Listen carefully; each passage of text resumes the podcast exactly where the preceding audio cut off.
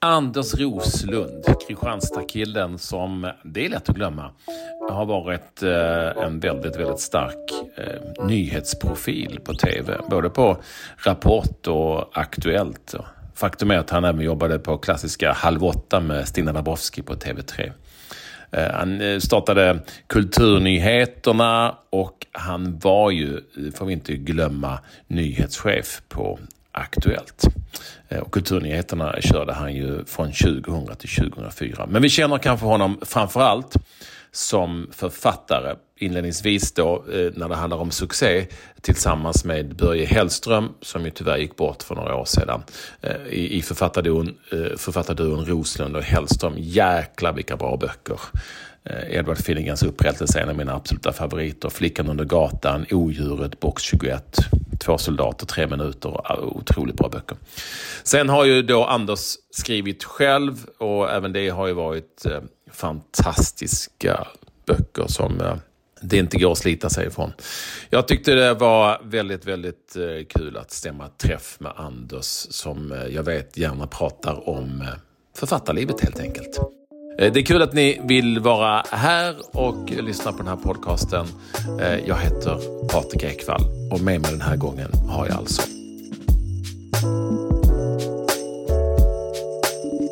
Jag heter, och det sa jag aldrig i skolan, jag heter Nils Anders Mikael Roslund. Eh, men på den tiden så blev det ju Nisse. Mm. Om man sa det, så det så jag har aldrig sagt det. Men nu när jag är en medelålders man tycker jag det är ganska fräckt med Nils. Så. Mm, ja, det är ju populärt. Du vet med namn, de går ju ja, Och det är det de säger i uh, hos läkaren, så är de Nils Roslund. ja. för det står det först? Står först ja. ja. Så om du reser och sådär, då kanske du får heta Nils? Precis så. Eh, så eh, det lärde jag mig när jag själv fick en pojke sen, att sätt inte det taskiga namnet först. Mm. Bra. Och ålder? Jag har precis passerat 60 ju. Eller till och med ett år till. Mm. Familj? Har eh, barn och sånt? Jag har en fru och jag har två pojkar och eh, sen har vi då vår underbara prinsessa, en katt, för hon är en familjemedlem också. Eh, hon heter Freddy. Och var bor du? Jag bor vid, eh, jag är en sån där som Patrik Ekwall eh, inte riktigt tycker om för jag bor på det där söder. Men jag bor vid Mariatorget. Och jag har det är nog... inte söder. Mariatorget är, alltså jag älskar det. Det är liksom, vi har eh, Missionskyrkan till höger om oss och sen har vi Lyxhotellet mitt emot. Mm. Vi har ett övergångsboende för eh, före detta kriminella på ena sidan och vi har liksom gymmet från 1911. Där. Alltså det, det är det är klart att det är ett lite välburet eh, snitt av folket, men det är ändå Sverige på något sätt. Jag gillar det. Men det är ju inte Knivsöder, det, är ju, det där är ju Niklas Strömstedt Söder.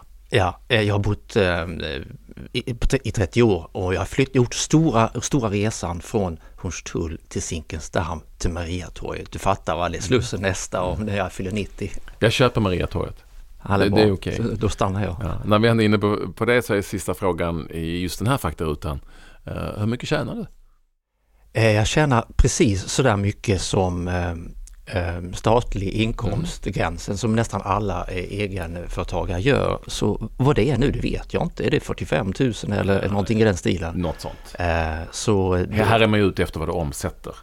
vad jag omsätter, inte lika mycket som många andra i min genre, men klart tillräckligt för att överleva och kunna leva ett par år till på det där om jag skulle få skrivkramp imorgon. Och nu några frågor som eh, har inledningen favorit. Till exempel favoritförfattare. Alltså ja, då låter man ju pompös och gammaldags men jag, min favoritförfattare är August Strindberg. Eh, och det har det alltid varit, för så var det från början. Och sen släpper man kanske inte sina gamla hjältar, även om hjältarna ibland blir lite dammiga och, och kvinnosynen blir ännu dammigare.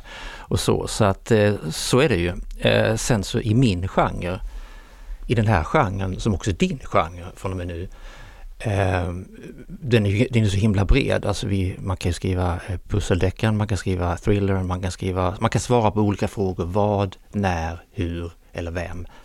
Så bred är ju, är ju den genren idag. Men, men jag tycker väldigt mycket om när för det var egentligen det vi gjorde en gång, Rosen och Hellström. Vi, om jag nu får säga det, vi kom in och, och, och gav nytt liv tillsammans med några andra författarskap mm. i den här genren. Absolut. För då var det bara Eh, vem egentligen, eh, vem gjorde det? Eh, men vi ställde några andra frågor, var, när, hur eh, och så. Va? Och det är de författarna jag gillar eh, allra mest. I sommar har jag faktiskt läst sju stycken i rad av en kille som heter Dion Mayer som är från Sydafrika. Som jag tänkte, ja men vad fan, men det är Bortsett från att ibland, men då fångar han den bollen för det är ju hyggligt sexistiskt den poliskåren där nere och det är mm. mycket svart och vitt och han balanserar på gränsen hela tiden, liksom snyggt gör han det. Men det är så jävla, det är ju en gammal journalist som skriver eh, drivet och fint och brett och, och jag, jag menar om jag har tillbringat sommar med sju stycken så säger väl det mesta. Jag har inte så mycket tid egentligen. Läser du dem på, på engelska då?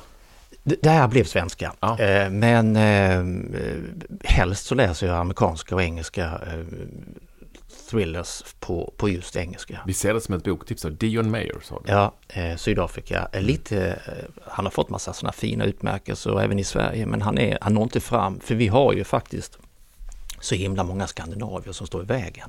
Så är det. Ditt favorit nyhetsmedia? Eh, jag kommer ju från samma eh, värld som du eh, också kommer ifrån så det är klart att tv är det och min fru jobbar ju kvar där och min mm. son jobbar också där idag. Så eh, däremot så är jag precis som alla 22-åringar, jag tittar otroligt lite på linjär tv. Jag tittar på tv när jag vill mm. eh, och egentligen så har jag, är det två saker idag. Det är drama, eh, det kan man titta på ja, massa jävla kanaler. Mm. Eller så är det sport, för det är det enda som man inte kan se efteråt i repris, för det är helt meningslöst. Mm. Så eh, jag tittar på mycket livesport och jag tittar på mycket drama. Så som gammal UV i branschen då, om jag får säga så, bär det dig emot någonstans att eh, du har lämnat den linjära världen? Det var väl lite som när jag gick över till, eh, vad heter det, Cashcard, mm. eh, Mastercard eller så. Jag, jag älskade och, och tyckte väl, jag, jag vägrade betala med något annat än kontant. För jag tyckte det var bra grejer. Jag kunde hålla reda på hur mycket jag hade i fickan och, och mm. sådär. Men sen den dagen jag började betala för fem år sedan med kort, sen är det ju bara kort som gäller. Och på samma sätt är det ju här. Man får väl helt enkelt eh, kamma sig och anpassa sig. Sen är det ju samma innehåll i alla fall. Jag har precis gått över till, alltså jag använder inte ens plastkorten när jag kör mobilen bara lägger den på liksom. Men, men tänk om någon tar mobilen då? Ja men då har jag ju kort också någonstans. Men ja, jag, jag menar om någon korten. tar den och använder den. Ja men det, då måste ju fortfarande gå in. Må, för att använda ja. kortet så måste jag ju titta i mobilen och läsa dem av ögonen på. Jag säger det här för att jag, jag har med ungefär en mobiltelefon i veckan. Ja. Jag glömmer dem hela tiden så jag vågar inte ha ens min mail där längre. För okay. det, förra gången så crackade de den ja. och började skicka iväg till höger och vänster från mig. Ja. Okej, okay. men, men vi, vi är alla olika. Din, din favoritidrottsstjärna, vem är det? det är egentligen de där som Alltså jag, jag konsumerar ju jättemycket fotboll mm. och, och, men om, om man tjänar två miljoner i veckan så kan man aldrig bli en favoritidrottsman eh, utan det är egentligen alla eh, tunga orienterare och simmare och curlingspelare. De här som sliter och kämpar, de tränar ju också mm. massor av timmar om dagen. Om inte mer. Och får inte, mm. och får inte mycket men de, de har fan idrotten i bröstet. Så de, de är hjältar. Din favoritstad? Uh, vi är här helt enkelt. Stockholm är min favoritstad. Jag flyttade hit eh, för uh, eh, 40 år sedan och jag är kvar fortfarande. Jag tycker fortfarande att det är ett litet äventyr ibland att gå hit, till exempel Nybrogatan 17. Var ligger det någonstans? Mm. Och så är Den man är lite lurig. Mm. Ja, och så är man på äventyr. Mm. Så, så det här är min favoritstad. Eh, du, när du säger flytta hit, då flyttade du från Kristianstad kanske? Eller inte, du är från Kristianstad men du kanske flyttade? Jag är från Kristianstad. Jag hade varit ett par ut, år utomlands och, mm. och, eh, upptäckt mig själv tror jag, som mm. man gör i den åldern. Men sen när jag kom tillbaka var det omöjligt att bo kvar i Kristianstad utan det, världen hade blivit så mycket större. Det är en fin stad Kristianstad men, men um, den var inte för mig Men, längre då. Följde du liksom handbollslaget sådär? Oh, det är väl klart. Ja. klart. Varje gång IFK Kristianstad spelar eller damlaget spelar i fotboll eller något annat lag som hör till så är jag där och bläddrar i tabellen och, och mm. kanske går på, äh, till äh, hallen, Erstahallen, vad heter, heter den? Ersta handbollshallen på Söder. Eriksdalshallen. Eriksdalen, ja. tack så mycket. Jag går dit eller så. Va? så ja. att, eh, och jag blev ganska ledsen när, när KIK åkte ur allsvenskan i hockey. Ja, för att de hade, inte hade koll på cashen. Typ som Balandra. Du, eh, avslutningsvis, din favoritmat, vad är det?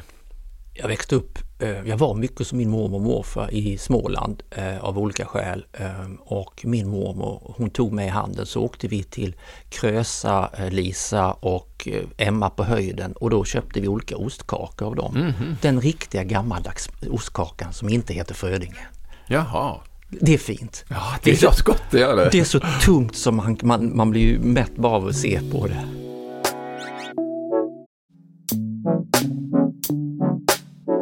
Anders Roslund, eh, är det tolv stycken eh, Evert eh, Grens böcker nu eller har det, är det någon jag har missat här på vägen? Jag, jag har precis eh, faktiskt lämnat in manus till den trettonde ja. och sen har jag skrivit två till. Eh, så sammanlagt har jag publicerat alldeles snart 15 kriminalromaner då varav 12 slash 13 är ja. eh, Evert Gräns och den andra killen som heter Peter Hoffman. Då. De här du har, den här du har lämnat in, vad heter den? Ja, det får jag inte säga för den har Bokjäveln Ja. Heter den väl än så ja, länge? Ja, ja, jag brukar säga så. Varför får du inte säga det? Det är väl bara att berätta. Eh, ja, men det är mer jag, för mig själv tror jag att jag vill inte... Du, du är himla bra på det, för jag har ju följt dig under skrivandet av den här, din bok. Eh, catfishing eller kattfisk. Kattfisken? Ja, mm. hur, man nu eh, mm. ska, ska eh, mm. vilket språk vi nu använder. När den sätts utomlands kommer du få heta det. nej men, nej, det är lite skock alltså. Mm. Jag kan inte vara så öppen. Så här är det. Det började med att jag började ett författarskap med min käre, nu bortgångne vän Börje Hellström. Han mm. dog för sex och ett halvt år sedan. Vi gav ut sju av de här Evert Grens böckerna, så resten är bara Anders Roslund. Och det var helt enkelt så, vi kom från två världar. Jag kom från en redaktionsvärld där man inte snackade om nyheten för då visste man att någon annan tog nyheten först. Börje kom från AA-rörelsen och NA-rörelsen där man pratade om allt som man kände för just då. Och det krockade som fan när vi hade skrivit vår andra bok och jag gick på, med honom på ett möte och de sa Wow vad bra boken är! Ja men vi håller på mitt i den, hur vet ni? Ja vilket bra slut det ska bli! Då hade Börje delat den boken oh. också där och då var vi tvungna, och den slängde vi i papperskorgen då för den var ju liksom out. Så då, då var vi tvungna att komma överens om hur ska vi hantera det här? Vi säger aldrig någonting om någonting. Mm. Och det höll han och det höll jag. Vi lärde ju bara oss varandra. Så, så och sen dess har jag blivit sån, lite skrock. Snacka inte. Nu förstår jag. Okej, okay. så när är det liksom läge att släppa titel och, och sådär då, tycker du? När den ligger i bokhyllan? Nej, när det kanske redaktören har gjort eh, en sista ja. koll och jag har läst igenom den för 419 gången. Mm. Då, då, oh, vi ska prata mer om det om en liten stund. Ja. Jag, jag undrar väldigt, väldigt generellt. Varför blev det så otroligt bra? Det hade ni ju inte en aning om när ni satte igång och började skriva er första bok. Eh, först säga tack, eh, det, det, var snällt sagt. Nej, det var det minsta. Det är mina absoluta favoriter, tveklöst. Det vill jag säga. Nu tror jag att jag går hem. Nu har jag hört allt. eh, det var ju en konstig tid eh, faktiskt. Eh, jag gick in och kollade. Det var inte så länge sedan en av mina söner skulle flytta igen. Och jag gick in i garderoben och skulle hämta en låda. Eh, en tomlåda, hittade lite tomlådor och sådär för han hade grejer kvar hemma fortfarande. Ehm, och då hittade jag min låda där jag sparat allting ehm, för att jag vill bli författare. Jag har liksom sparat bilagan i Aftonbladet, vi letar efter morgondagens författare, alla letar efter en ung kvinna. Jaha, ja. tänkte jag, det var inte jag. Eh, och, och, alla skrivtips och sådär. Va? Och, och, på en baksida på den Aftonbladet så finns det en topplista, säg som 25 år gammal eller någonting. Och så vänder jag på den på den tiden kom topplistan i månaden, nu är det varje vecka. Men ändå, det fanns inte en enda svensk crime, inte en skandinavisk crime. Det fanns en brittisk och en amerikansk. Resten var så kallade skönlitterära böcker eh, eller något annat. När var detta då? Ungefär? Det är alltså 25 år sedan Aha. och det är ett helt annat landskap och det är därför jag inledningsvis eh, försökte skryta lite grann och säga men det, det stod stilla ett tag efter de stora framgångarna som Jan hade haft och Henning Mankell hade haft. Mm. Sen fanns det ju massa bra författare. Det var långt ifrån någon våg eh, för att genren behövde energi och där någonstans började den bryta igenom och jag tror att eh, om man då bestämde sig för fyra, jag, jag var ju fortfarande redaktionschef hade jag varit på SVT, så att jag sa till Börje, nu kör vi. Jag har några idéer om hur vi ska göra, jag har några regler. Och det var just att vi skulle bredda från vem till när, var, hur eh, eh, och, och varför. Mm. Så bred skulle det vara. Det skulle också vara att vi hade fastnat lite grann i en en huvudperson som drev storyn från A till Ö. Eh, vi hade en Wallander, skitbra böcker, men han, han var kapitlet, perspektivet från första sidan till sista.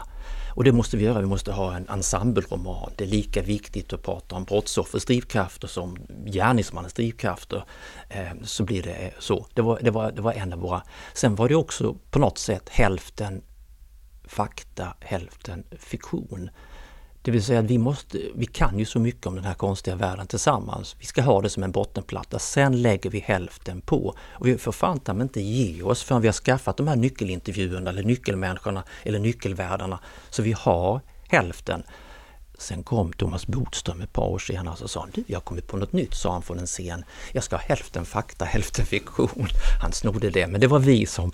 Det, det var en av de där tredje och sen på något sätt den fjärde var Alltså den svenska romanen hade av någon jävla anledning lagt den här samhällskritiska skildringen nästan på bordet. Den fanns inte. Och eftersom kriminalromanen är en sån himla bra spegel av vår tid och även botten är en bra spegel av vår tid så fanns ett antal kriminalromansförfattare som bara kunde hämta den här samhällskritiska bilden eller vinkeln eller mm. touchen. Och, och, det får inte gå till överdrift, det är inte ett budskap, det är underhållning vi skriver. Mm. Men, men det var väl den lilla fjärde lilla regeln att vi skulle inkorporera det i den här.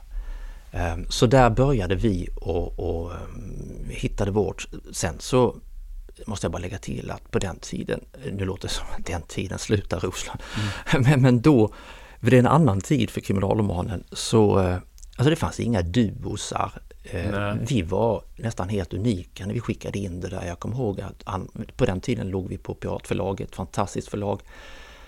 Eh, de antog oss så småningom, men Ann-Maj Skarp som fick den här boken först ehm, undrade lite grann eh, över Dels ämnet kan man ge ut sånt där, men också de här två personerna som skulle skriva tillsammans.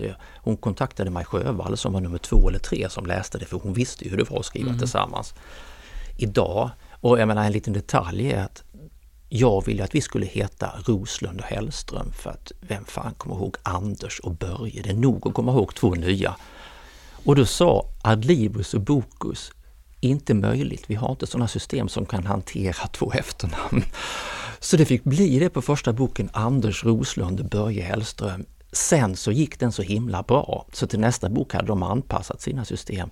Idag så är ju dubbelförfattandet eh, en del av, av Ja, det är ju jättepoppis, ja. det är jätteinne. Men det jag vill komma fram till här, och det här är ju superintressant det du berättar, att ni var en del av att förändra en genre lite grann just där och då. Men hade ni ens en aning om vad ni gjorde när ni väl gjorde det? Då var 5% av all litteratur i hela världen översatt eh, eh, alltså till engelska språket. Till engelska språket. De, de som eh, det var engelska språket i England, USA, Sydafrika, Kanada. Resten de här 5 procenten som var kvar, när 95 procent som utgavs i dessa länder var eh, redan på engelska från början, ja. slogs alla världens språk om. Så att ta sig in på de marknaderna eh, då var nästan omöjligt, utan det blev ju lite eh, Björn Borg, Mats Wilander-effekten. Alltså, mm. aha, det finns tennisspelare i det här landet, och kanske det finns fler tennisspelare. Det vill säga, man öppnade, vi öppnade dörren, Stig Larsson var den stora dörröppnaren, även om han kom lite senare. Mm. Och ett antal andra författarskap öppnade dörren. Och plus, jag tror att idag har ju då svenskan tagit en, en mycket större andel av de där procenten, dessutom är de där fem procenten mer än vad de var då.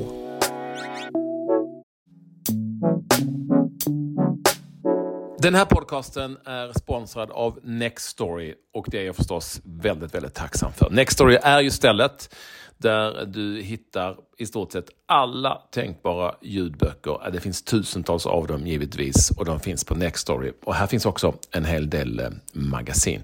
Häng bara med i det här meddelandet så ska du som lyssnar på den här podcasten få ett otroligt fint erbjudande. Men innan dess så vill jag jättegärna tipsa er om böcker som eh, ja, ni kanske är sugna på att eh, lyssna till om ni känner för det. Jag ska också säga det att den 28 november, det är datumet när eh, Kattfisken, min bok, släpps. inläst av Jonas Malmsjö. Då släpps den eh, på Nextory och då hoppas jag att du vill uh, lyssna på den där helt enkelt. Lägg den i uh, bokhyllan heter det väl va? Uh, så um, är den redo så fort det är dags att lyssna till den. Vad härligt ändå. Men vi ska sluta prata om min bok nu för det finns ju alla anledningar att prata om böcker att lyssna på som jag gärna tipsar om och som finns redan här och nu på Nextory. Och det är ju då framförallt eh, böcker som Anders Roslund, eh, vår gäst, har varit en del av. Jag måste säga att det är böcker värda att eh, lyssna på om ni inte har varit där förut alla Evert Gräns böcker givetvis. Några av dem som han har skrivit tillsammans med Börje Hellström. Eh, men Odjuret, box 21, Edward Finnegans Upprättelse, Flickan under gatan, Tre sekunder, Två soldater, Tre minuter, Tre timmar, Jag må Det finns hur många som helst. Eh, den senaste då, eh, som ni vet, heter 100%. Jag tycker definitivt att ni ska ta an dessa böcker för de är Ja, men det, det, går inte att slita sig ifrån dem. De är välskrivna och de är roliga och de är otroligt, otroligt bra. Eh, så det är mitt tips den här gången.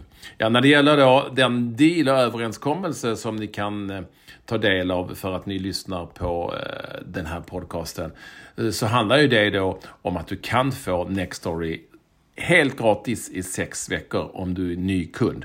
Då går du in på Nextory i appen där och och skriver in livet 45.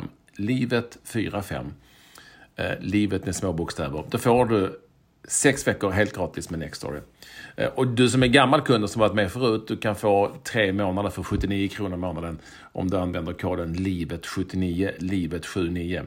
Eh, vill eh, eh, verkligen pusha för detta. Eh, Nextory, när du lyssnar på böcker och magasin så, så ska du definitivt gå in där. Eh, och ta del av de här erbjudanden som finns. Tack vare Nextory och tack vare att du lyssnar på Författarlivet. Eh, tack så mycket Nextory för att ni är med och sponsrar den här podcasten.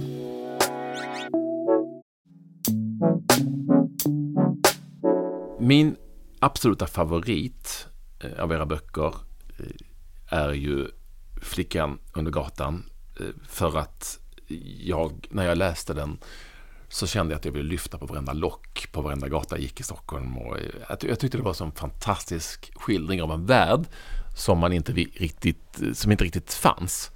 Men jag blev också otroligt förtjust i, i Edward Finnegan för att där kändes det som att ni också gjorde någonting helt, helt nytt. Dels är titeln kanske inte den mest liksom, säljande någonstans. Eh, folk visste inte vem det här var. så. Jag vill bara veta hur ni, när ni skrev just Edward Finnegan-boken, hur ni, hur ni hade funderat kring det. Jag ska först säga att min före detta eh, kollega och ehm, ja, egentligen förlagsägare som Jan Go var, en fin vän också får jag säga. Eh, han sa på sitt mycket tydliga sätt, uppriktiga sätt, Edward Finnegans upprättelse, det var fantan med den sämsta titel jag har hört.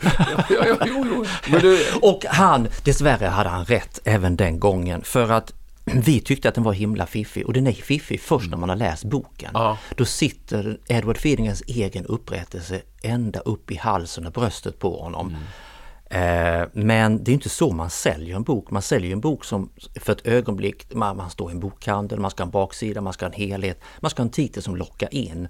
Och när inte författarna själva knappt, eh, jag hade faktiskt en annan titel som var Cell 8. Mm. Och som jag jobbade hårt för men eftersom förra boken, boken innan dess hette Box 21 mm.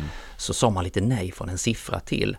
Sen när den här gjordes till tv-serie och eh, även engelsk eh, bok så ringde de från England, alltså upprättelse, det, vi har inga bra ord för det, vindication, alltså, nej det finns inget riktigt eh, retribution. Då sa jag, jag har en annan titel som är Cell 8. så jag fick den titeln ja. många, många år senare. Eh, så, så, det, så, var det med Finnigan, men Finnigan var ju, vi började helt enkelt, vi, ville, vi hade skrivit två böcker, Odjuret och Bock 21, om vad vi egentligen insåg efteråt var behovet av upprättelse, alltså inte hämnd och inte, utan den där upprättelsen som, som, man, som man eh, på något sätt får och inte mm. tar här inne i bröstet. Du slår mig på bröstet på denna mm. radiostation. Så, ehm, då sa vi helt enkelt, men ska vi inte skriva en bok om begreppet upprättelse? Vad är det? Fast vi gör det i en spännande kontext. Och så får den, det var väl därför titeln hamnade där också. Mm. Och den handlar ju helt, och vad, vad, vad, gör man då? Jo, man, vad är det yttersta brottet? Ja, det är att ta någons liv. Vad är det yttersta straffet? Det är att bli eh, dömd till, till döden av en myndighet, en stat. Och då sa vi, då, då skriver vi om det. Och så fick vi ta hit det till Sverige så därför så mm. gjorde vi en longör när huvudpersonen på något sätt har flytt och det hade aldrig hänt. Vi kollade mycket det. Jag var över i USA och på lite olika fängelser. Ingen hade någonsin flytt från ett dödsstraff. Eh, och då låter vi honom göra det. Och då finns ju inte han under flera år. Eh, och då hamnar han i Sverige förstås för att kunna ta hit frågan hit. Men halva romanen är ju ändå i USA och eh, jag är lite stolt över att den blev förbjuden i ett antal delstater, typ Texas och sådär. Jag eh, förstår. Det gillar de inte. Nej. Det är en fantastisk eh, bok och har ni inte läst någon av Anders böcker så, så, så kan jag varmt rekommendera att ni tar er an den först för den är, den är otrolig på många sätt och vis. Då hamnar vi osökt på det ämne som du har valt. Eh, ni som lyssnar på den här podcasten vet att eh, man kan välja mellan några olika ämnen. Eh, och du har valt att prata om trovärdighet. Jag tycker också det är jätteintressant på alla sätt och vis. För att när man väl sitter där och skriver den här typen av fiction för första gången så, så känns det som att man ibland frågar sig hur mycket behöver vara på riktigt och hur mycket behöver inte vara på riktigt eftersom det trots allt är fiktion. Och du ska få svara på den frågan. Alltså jag tror ju, jag, jag tycker att jag vet nu efter 14 eller 15 eller till och med 16 böcker att eh, dels kommer man, om man då vill ha hälften fakta och hälften eh, lögn, mycket, mycket längre med kriminalromanen än vad jag gjorde på Aktuellt när jag gjorde djupa, djupa reportage om, om kriminalitet. För att man kan använda hälften lögn eller hur mycket lögn man vill. Men mm. om man vill skriva som jag gör så tar man hälften lögn. För att det som blir kvar, den lilla kärna av sanning. Den är så sann. För du kom, äh, vi tar Flickan under gatan till exempel som du nämnde tidigare. Då var det ju så att äh, jag och Börje visste ju att det bodde väldigt mycket unga människor, på den tiden har man ju stängt till det, men de bodde i tunnlarna under Stockholm. Stockholm är ju 10 mil tunnlar, äh, en helt annan värld eh, sex olika system som går ihop. Och vi hade, när vi jobbade med Santa Clara kyrka, som precis som Stadsmissionen och, och eh, Rädda Barnen jobbade med, med unga hemlösa som eh, en social, socialborgarrådet då sa inte fanns. Han hette Ulf Kristersson, idag statsminister. Vi debatterade mycket med honom, både i tv och radio. Eh, då hade vi jobbat med Santa Clara kyrka, gått efter deras hjältar. Det var ju de som... Och då hade vi en, en, en kväll vid Fridhemsplan så kom en kille upp, Eh, upp från jorden faktiskt och eh, sa eh, man ska aldrig tjalla på de som sitter där nere. Vi lever våra liv. Han hade bott sju år under jorden. Då bor man inte så bra. Men nu är jag förbannad för det sitter sex unga tjejer som är 14 år här nere. De har suttit länge och då tjallar jag. De ska fan inte sitta där. Jag har egna döttrar där ute i världen. Eh, sen låg vi på honom och, och vi ville ner i den här världen. Vi ville förstå den världen och eh, den kan man liksom inte bara ta en nyckel och kliva in i. Eh, jag tror vi bestämde möte med honom 27 gånger, 24 gånger, hur många gånger som helst. Inte 17 dök han upp. Bor man under jorden så litar man inte på någon förstås. Mm. Sen dök han ju upp den 27 gången och visade oss in i den här världen då som, som då var befolkad av både unga människor, 17 meter ner under jorden med en härlig temperatur som är samma hela tiden. Det finns, de här systemen möter ju gatusystemet, möter, gatukontorsystem möter elsystemet som möter militära systemet. Och det finns några stycken jeppar där nere som har koll på hur de hänger ihop och kan med, för myndigheterna har bara koll på sitt eget system. Det var liksom förutsättningen för att kunna skriva den boken, att verkligen, verkligen jobba eh, med, med en slags autentisk research. För, den, den, eh, för att sen kunna en, alltså Stadsmissionen hade ju i flera år försökt tala om att vi har jättemånga unga hemlösa. Men då var det 286 kommuner eller vad det var vi hade på den tiden som alla hade noll i kolumnen för unga hemlösa. För man hade en regel att om man hade om föräldrarna hade en bostad hade, hade också barnet en bostad. Okej. Även om föräldrarna förgrep sig på barnet så gra- barnet var tvungen att fly hemifrån eller kastade ut det, vilket vi hade två, flera stycken som vi jobbade med och som bodde kvar hemma hos Börje sen som 13-åringar och de flydde förstås ner till Stockholm. Men den här boken, den här kriminalromanen fick du tippa över och nästa år gav man för första gången eh, pengar i budgeten till de här eh, som då Kristersson sa, ja de finns väl. Han, var jättebra debatterare men det var, inget, det var inte han som hade skapat det här. Men, och det var till och med han som sa att, att eh, vi, vi avsätter pengar till det där. Hade vi inte gjort den här researchen utan bara hittat på så hade det fallit platt. Tills jag skriver och trots att jag nu satt och, och, och backade om att jag var så himla noga så gör jag ett misstag i skrivandet. Jag lägger två gator på Kungsholmen eh, parallellt trots att de korsar varandra. Och jäkla hela Kungsholmen, i alla fall de som läste böckerna, det var ganska många då, hörde av sig och sa hur ska jag tro på att det finns barn under gatan när du inte ens kan hålla reda på gatornas konstruktion. Och jäkla, eh, och jag hade ändå varit så himla noga. Jag har ju då en, ett favoritcitat när det gäller eh, trovärdighet eh, som jag drar här i varje podcast. Och det är ju Jonas Jonassons 100-åringen som jag utgår från att du säkert har läst eh, och tagit del av. Eller kanske inte? Nej. Eh, Den läste jag redan eh, innan den trycktes, för han gav ut på samma förlag. Så jag ringde honom ner var han var någonstans i Italien eller då och sa Jonas, du har en jättesäljare här. Det här, det här är ju fantastiskt. Jaha, okej. Nej men det, det, har ett, det, det är jättekul för att där skriver nämligen redaktören i en första anmärkning till honom att eh, det får inte plats 10 miljoner i sedlar i en resväska som då 100-åringen rullar iväg med. Det får, är det 10? Jag tror det är 10 miljoner. Eh, och då svarar Per-Ola som jag kallar honom för, men han heter ju det egentligen, Ja. men Jonas, då svarar Jonasson Eh, det var ju trist eftersom allting annat i boken är sanning. Och jag, och jag tycker det är så himla bra. Eh, och, och när vi är in, inne på trovärdighet. Så att väskan fick, det fick, det fick, det fick fortsätta vara så. Och det menar jag, med tanke på att du skriver den här typen av böcker och jag vet att du är otroligt, otroligt noga med eh, din research. Finns det något utrymme för den här typen av... eh, Ja, alltså, eh, Lögn. och hans bok, eh, 100-åringen som jag eh, tyckte så mycket om, eh, var ju en skröna och skulle vara en skröna. Det hade ju ingen andra, det var ju som själva syftet eh, och mina 50 procent eller, eller 77 procent, eller det, det är också bara dikt och, och lur ju och, och författarens dårskap. Som, och där får man ju men det är liksom onödigt. Jag minns en gång när jag började och blev inbjuden av Reinfeldt på den tiden han var statsminister. Han hade läst alla böckerna och skulle prata om dem där. Då, då gick han ut efter och vi hade druckit hans kaffe och kanelbullar på Rosenbad och så sa han Ni vet tunneln där nere, sa han. Då hade vi nämligen i tre sekunder gjort en, en, en ingång mellan riksdagshuset och regeringskansliet. Den är stängd numera, men det är väl fiktion kan jag tänka mig, sa han. Ja, det är fiktion. eh, eh, så jag menar, även om det var en fjantig liten fiktion, man kan göra hur mycket fiktion som helst, bara man på det som, om man håller reda på gatorna, om man håller reda på kulhastigheten, om man håller reda på, Ja, som men du skrev i mejlet, Ja. eh, vilka, vilken färg bussarna har i Paraguay, eh, så, så eh, ibland behöver man inte åka till Paraguay, man kan faktiskt googla. Eh, så va. Men- Som jag har googlat. ja, Hoppas inte polisen tar mig någon dag här och går igenom min... jag- jag gjorde några absolut absurda googlingar häromdagen. Jag fick också så ont i magen. Men det här går ju inte. Det här går ju inte. Så jag var tvungen att säga till min fru, fru alltså, kan, kan du stå här och bevittna att jag gör detta?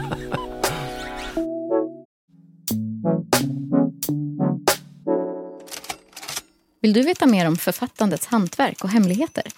Tidningen Skriva är Sveriges enda magasin om skrivande. Och på tidningen skriva.se hittar du massor med skrivguider, författarintervjuer, novelltävlingar där du kan vinna fina priser och tips på hur du ökar dina chanser att bli utgiven. Just nu kan du testa Skriva gratis i en månad. Gå till tidningen skriva.se prenumeration.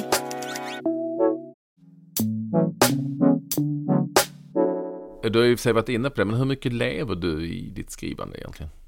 Ja, dessvärre som sagt var, eh, om man har svårt att koppla av och sen har reducerat livet till ett enda yrke. Som från att man har haft många. Jag har ju skrivit, jag skriver en hel del krönikor och annat sådär. Så det är klart att, men det är ju också en del av författeriet till slut. Så jag lever nog med det här varje dag. Och så här tänker jag också. Jag var inte 22 när jag debuterade. Jag var jättenära att debutera när jag var 24 eh, men jag var för stolt för att ändra lite text på ett förlag, stort, stort förlag.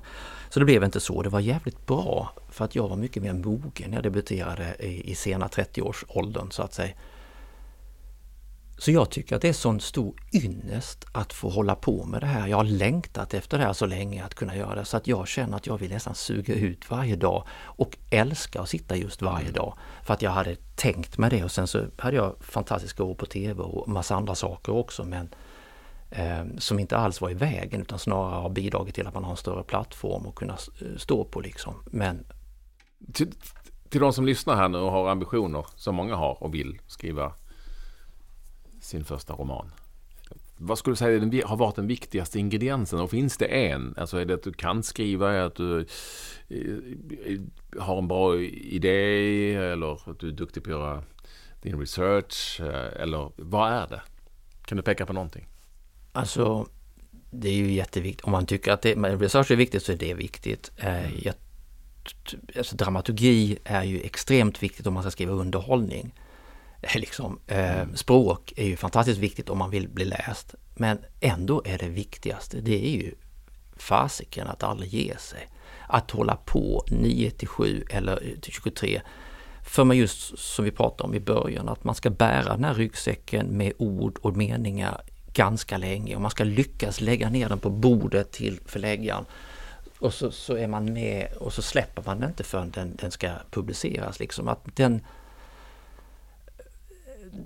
och därför man kan beundra personer som Jan Guillou som har gjort det över 50 gånger. Mm. Det är ett jädra, när man vet hur, hur, hur, det är inte slitsamt, tvärtom, man ska bara använda positiva ord, en möjlighet, en härlig resa, att man ens får, får betalt eller någon vill ta del av det man, man tycker och tänker.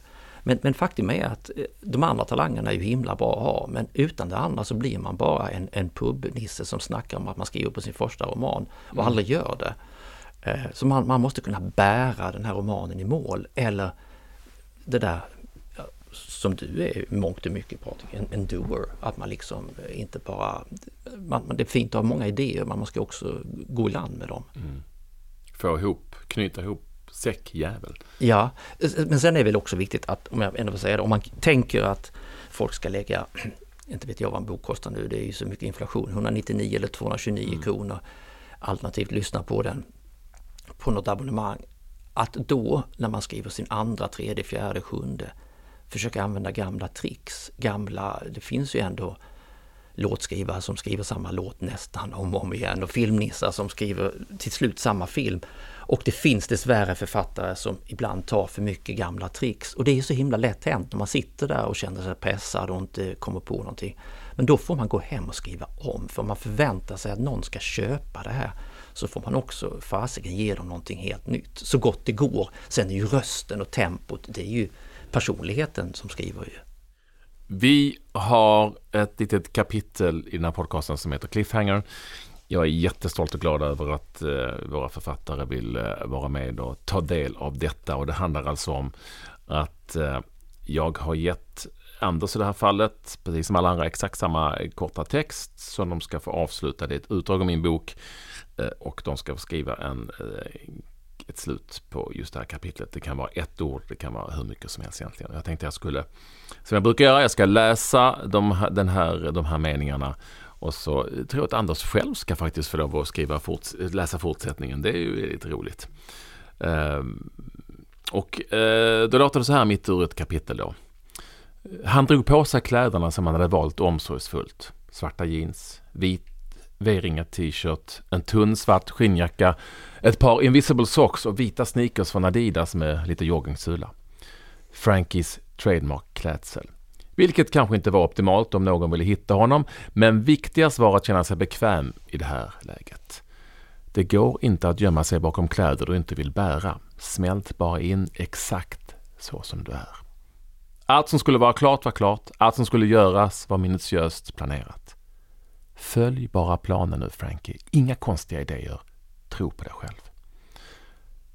Nu skulle han eh, bara få med sig jeansen som låg vid sängkanten när hotellrumstelefonen skrällde. Signalen var hög, smått galet intensiv. Men för i helvete. Han hade ju betalt extra för sen utcheckning. Jag är på väg ner. han Frankie få ur sig när han lyfte luren. Rösten var hysterisk, skar genom Frankies hjärna. Det är från receptionen, de hotade mig med pistol. Jag trodde de skulle... Hur många? avbröt Frankie. Va? Hur många var de? Jag vet inte, tre kanske. Vet de vilket rum? De sa att de skulle skjuta mig. Jag hade inget val. Där tar historien slut och Anders har skrivit resten. Frankie stängde av telefonen, lät den glida ner i ryggsäckens ytterfack. Alltid ensam. Lita bara på dig själv. Han hade under gårdagskvällen lösgjort en liten fyrkant i taket ovanför skrivbordet och tvn, akustikskivor som vilade på stålskenor och vägde nästan ingenting. Därefter sågat upp innertagets nästa skikt spånplatta, en och en halv centimeter tjock. För varje dörr in en ny bakdörr ut. Han lossade nu det yttre lagret, hoppade upp på skrivbordet, fattade tag i spånplattan, hävde sig vidare uppåt, petade tillbaka akustikskivan. Han låg alldeles stilla, uppfattade hissen som stannade i korridorens andra ände.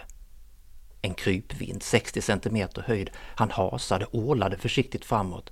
Han hade tidigare stegat avståndet exakt 8,5 meter från ytterväggen i rum 663 där han befann sig nu till ytterväggen i rum 659 som också den hade en försågad spånplatta och ett innertak av akustikskivor och dessutom just nu var tomt bokat och betalt under ett av de andra namn han också hade giltigt pass för.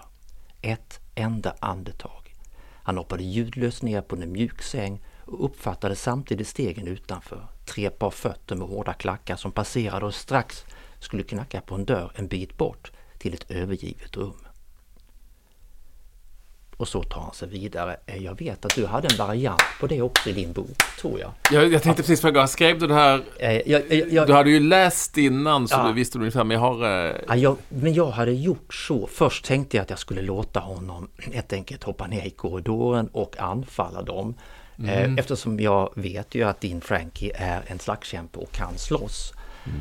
Men det var så himla krångligt. så alltså, att jag lät honom fly in i ett annat rum. Dessutom vill han inte slåss i onödan. Han vill ju liksom bara fly eh, mm. och, och, och, och helst inte skada någon heller i onödan.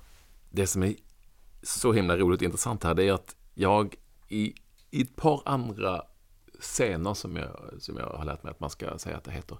Men i kapitel när han ska ta sig från ett annat ställe, eh, framförallt eh, även på en båt, så har jag varit inne på just det här med innertak. För jag tycker det är så himla spännande. Om man lyfter på de här skivorna som finns på kontor där vi sitter ja. nu till exempel, så finns det ju en halv meter kanske eller något liknande utrymme där. Eh, och så. så då har jag faktiskt funderat kring just en sådan flykt. Nu blev det inte det på, på båten utan det hände någonting annat där. Men äh, det... Jag ska väl säga att jag har låtit Hoffman en gång försvinna så här i Albanien, ja. fast inte riktigt så. Men Nej. så att jag lånade av mig själv. Jag, jag bluffade där. Ja, men det så, finns inte ja. så många. Men jag, äh, tack, alltså jag är så tacksam för att du vill göra det. Jag undrar om jag nu kan ringa förlaget och be dem ändra till ditt slut. jag tror att det är för sent. Vi ska prata cliffhangers bara kort. idag så till ganska, alltså nu läste jag om eh, Edward Finningham för inte särskilt länge sedan. Om man då jämför lite hur, ska vi säga nya framgångsrika författare, deckarförfattare eller crimeförfattare skriver idag så är de, skulle jag säga, väldigt mycket kortare eh, i kapitel och eh, skriver det jag kallar sen cliffhanger, sen cliffhanger. Pascal Engman säger att han tänker på en Netflix-serie och på det flytet där, att det hela tiden ska vara liv och ta sig framåt. Har du valt att förändra dig i ditt skrivande, delvis tack vare eller på grund av hur det ser ut idag och eh, delvis eh, för att ljudgenren är så stor? Inte alls för att ljudgenren är så stor. Det, det, jag skriver text och så får det vara bra så. Mm. Däremot är jag alltid med i ljudstudion själv och, eh, och, och jobbar mycket med Thomas Hansson som, eller jobbar mycket, vi träffas och vi pratar om hur man ska betona och läsa och mm. ibland skriver jag om vissa saker som helt enkelt inte går att gestalta eh, och så i all enkelhet, inte mycket men, men däremot så Alltså jag tror att jag mycket, mycket mer skriver, eller jag vet att jag mycket mer skriver, jag skriver mycket mer i cliffhangers, jag skriver mycket mer i, i, i tv, filmscener mm. idag än vad jag gjorde då. Och det är ju inte för att det skulle vara mer gångbart, det är ju för att man faktiskt förändras och man mognar och man kanske möter en annan genre. Det så jag har skrivit också lite filmmanus här på Så då, då, möter man också, jag skrev två böcker tillsammans, en, två andra böcker tillsammans med en, en kille som har gjort 16 långfilmer och vi möttes ju där. Han vill ju alltid gå in i ett, i ett, kapitel då, för han hade skrivit en bok, så sent som möjligt och ut så tidigt som möjligt. Men sen man, kan faktiskt, man kan ha ett litet lugnt intro, man kan tänka också i böcker mm. och så kan man gå ut. Eh, vi lärde oss ganska mycket av varandra. Jag lärde mig mycket av hans film sätt att se på det här, det här 2011, 2012, 2013 och, och, han lärde sig ganska mycket av mig som han tog tillbaka till sina filmer jag har sett. Så att eh, vad jag också gör idag är ju säkert en crossover eh, där, där mina böcker har ett, eh, vilket jag tycker, framförallt under Anders Roslund då, sen vi släppte varandra jag började, eller kanske till och med från, från Tre minuter, vår sista bok, har ett helt tydligare filmiskt driv om man nu säger så. Och, men jag tycker inte det är ingen flört. Utan det är nog snarare mm. min egen förändring eh, och, och, vad jag själv... Och det är klart att det går inte att det går inte att skriva eh, någon annan, jag menar tidningsjournalister får också, alltså det är ju bara så vi måste på något sätt vara del av vår tid. Mm. Så din redaktör har aldrig sagt du, det kommer inte fungera i ljud det här? Nej, däremot så var jag sa jag själv det ganska mycket i början, att det här kommer inte fungera ljud. Eh, jag, jag, minns att eh, jag var uppbjuden på Storytel. Då hade de två anställda, eller tre möjligen, och de var på väg i konkurs 2007, 2008, 2009. Och de bad mig komma upp på en fredagsfika för att tala om hur, vad ska vi göra, ge oss inspiration och sådär. Eh, de bjöd säkert dit folk då och då. Eh, Tänk dig Storytel idag som bara några år senare köper ett stort förlag. Eh, men redan då sa jag till dem att jag tror att problemet med mina böcker är att de är så komplexa, de kan bli svåra att läsa in och då mm. kanske man måste anpassa. Det finns ju de som, som verkligen bara skriver för ljud och det är inget fel i det. Det är olika, men för mig handlar det ändå om att vi skriver, jag skriver en roman och sen så får jag kanske, jag, jag behöver inte betrakta den som ett färdigt verk.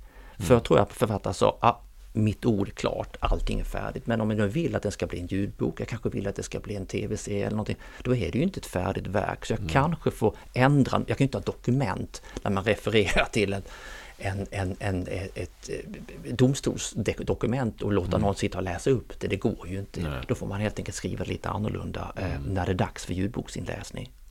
Anders Roslund, eh, är supertacksam för att du ville komma hit. Har varit givande och trevligt och spännande.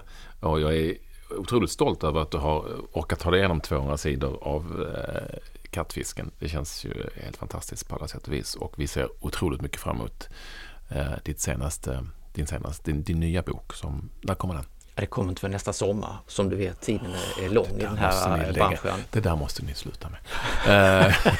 jag vet att du har skrivit in i mål här nu i princip. Va?